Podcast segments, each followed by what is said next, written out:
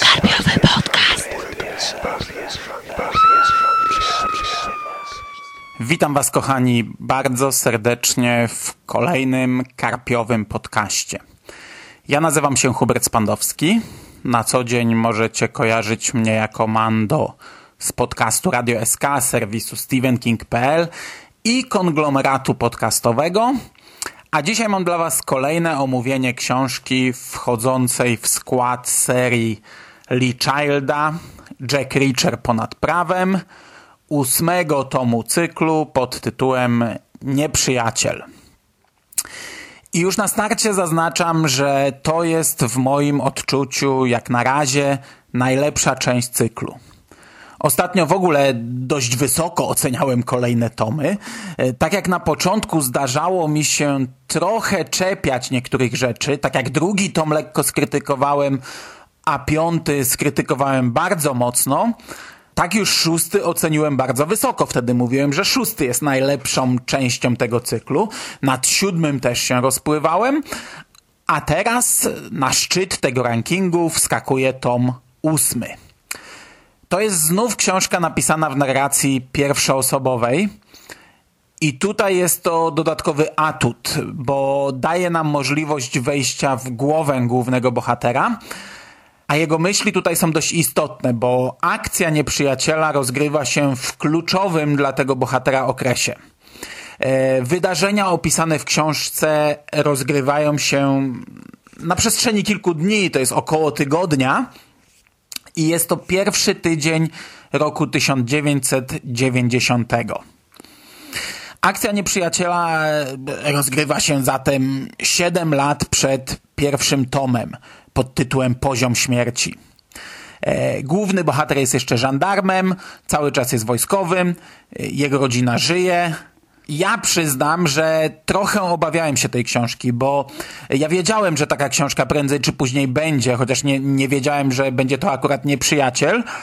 A po siedmiu tomach, no, mamy już wyrobiony pewien obraz głównego bohatera i pewien schemat kolejnych jego przygód. A tutaj wchodzimy na zupełnie inne tereny. No i tego troszeczkę się obawiałem, ale to gra od pierwszych stron tak jak należy. Z jednej strony wiemy, do czego prowadzą niektóre wątki, z drugiej strony to jest dodatkowy atut tej powieści. Ja postaram się opowiedzieć Wam o tej książce e, nie tylko bez spoilerów z samej książki, ale też e, no, postaram się nie zdradzać tego, co wiemy choćby z poziomu śmierci. W razie jakby ktoś postanowił czytać ten cykl według chronologii wydarzeń, czyli zacząć w tym momencie od nieprzyjaciela. Nie mam pojęcia, czy będzie jeszcze jakaś książka, która, której akcja rozgrywa się wcześniej. Choć jeśli słuchacie tej recenzji, to pewnie słuchaliście też poprzednich moich recenzji, więc i tak te wydarzenia są wam już znane. Książka zaczyna się w ostatniej minucie 1989 roku w Sylwestra.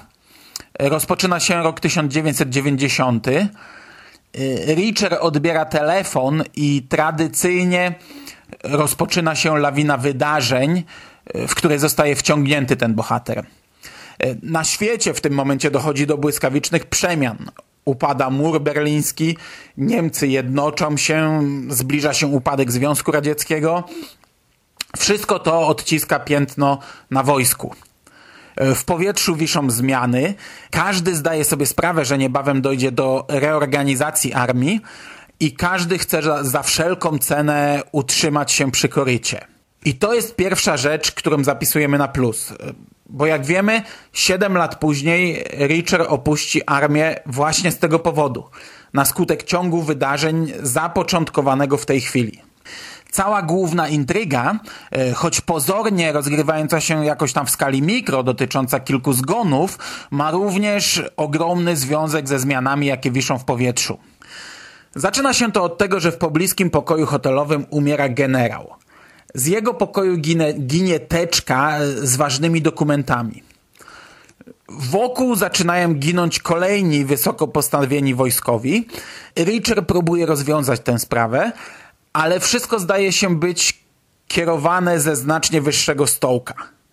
na całym świecie jednego dnia przeniesiono kilkudziesięciu kluczowych dowódców do innych baz, e, również bazą, w której stacjonuje aktualnie Reacher, zresztą także przeniesiony przed kilkoma dniami e, i również w tej bazie zmienia się dowódca, również tą bazą teraz będzie kierowała inna osoba.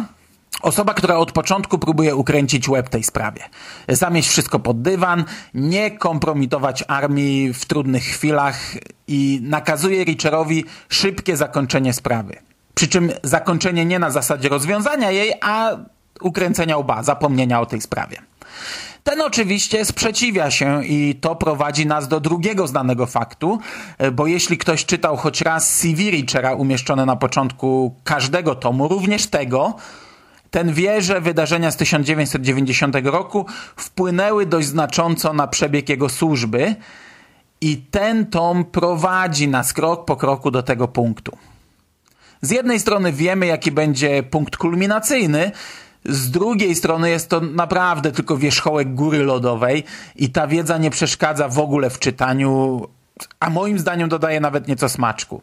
Ja byłem przekonany, że akurat na tym polu będzie to miało inny tytuł. Szczerze to nie spodziewałem się, że e, ta cała kulminacja będzie z tego powodu, z którego była. Kolejny wątek, który prowadzi nas do znanego finału, e, porusza sprawy rodzinne Richera. E, Jack i Joe, czyli bracia, kilka razy przylatują do Paryża w odwiedziny do ciężko chorej matki. To jest taki wątek poboczny, niezwiązany z, z tą główną intrygą, ale jest to też no, bardzo istotny wątek, który musiał się znaleźć w książce rozgrywającej się w tym okresie. E, czytelnik tak naprawdę pierwszy raz ma okazję poznać brata Richera, Joe'ego. I pierwszy raz poznajemy jego matkę. Ale dzięki lekturze poziomu śmierci wiemy, do czego to wszystko prowadzi i wiemy, jakie będą następstwa obietnicy złożonej przez braci na ostatniej stronie książki. I to się doskonale czyta, gdy dysponuje się tą wiedzą, ale myślę, że równie dobrze, choć zupełnie inaczej, odbierze się ten wątek, jeśli najpierw przeczytamy Nieprzyjaciela, a bezpośrednio po nim sięgniemy po poziom śmierci. Nie, nie, ja nie umiem powiedzieć, która opcja byłaby lepsza, więc jeśli lekturę obu książek macie przed sobą, no to decydujcie w ciemno. Ja jestem zachwycony tą książką. E, tak jak przy pierwszych tomach narzekałem trochę, że Child jest mocno przewidywalny i przez połowę książki kluczy gdzieś obok tego rozwiązania, które zna już każdy czytelnik ale bohaterowie idą jeszcze przez kolejne punkty opowieści. Autor próbuje nas zaskakiwać, by dopiero w finale doczłapać się do tego, o czym każdy już od dawna wie.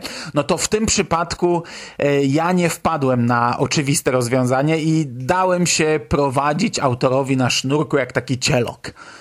Niby wiedziałem, jak to się skończy dla Richera, ale główna intryga do końca była dla mnie zagadką. I tak jak sam Richer, e, co zresztą zdarza mu się dość często, jak na takiego superinteligentnego bohatera, ja również przeoczyłem największe oczywistości. Inna sprawa, że gdybym tego nie przeoczył i wpadł na tak naprawdę dość oczywiste rozwiązanie już na początku, to pewnie dużo mocniej skrytykowałbym tę książkę, e, bo tym razem mamy książkę dłuższą o kilkadziesiąt stron. To jest na chwilę obecną chyba najdłuższa książka e, z tej serii, która jest napisana w pierwszej osobie, więc idziemy powoli, krok po kroku wraz z bohaterem, a w środku książki on naprawdę dość mocno rozdrabnia się nad niektórymi sprawami. E, kluczy w ślepe zaułki i robi różne rzeczy, którymi autor zapełnia tę objętość książki. E, na marginesie ja nie przypominam sobie innych książek, które by szły tym torem, a Child akurat robi to dość często. Richard bada tropy, które po kilkudziesięciu stronach okazują się mylne, i nie wiem, przez dajmy na to 20 czy 50 stron idziemy jakimś tropem, po czym okazuje się, że to ślepy zaułek, że Richard się pomylił, że poszedł złą drogą, że strzelał i nie trafił, e, po czym wracamy do punktu wyjścia. To nie jest minus w momencie, gdy sami nie rozwiążemy tej sprawy wcześniej. No, ja tym razem nie rozwiązałem, więc mnie to nie męczyło, tak jak w przypadku kilku wcześniejszych tomów. Podsumowując, Nieprzyjaciel to jest bardzo dobra książka. W moim odczuciu jest to na razie najlepszy tom tej serii. I tak jak jeszcze kilka tomów temu zastanawiałem się, czy czytać dalej tę serię, tak po ostatnich trzech książkach nabrałem ogromnej ochoty na więcej. A że narobiły mi się spore zaległości, bo gdy nagrywam te słowa, to niebawem w książkach ukaże się już dwunasty tom tej kolekcji, no to czym prędzej biorę się za książkę pod tytułem Jednym strzałem i myślę, że niebawem znów usłyszymy się na łamach tego podcastu. Ja tymczasem się z wami żegnam. Do usłyszenia niebawem. Trzymajcie się ciepło. Cześć.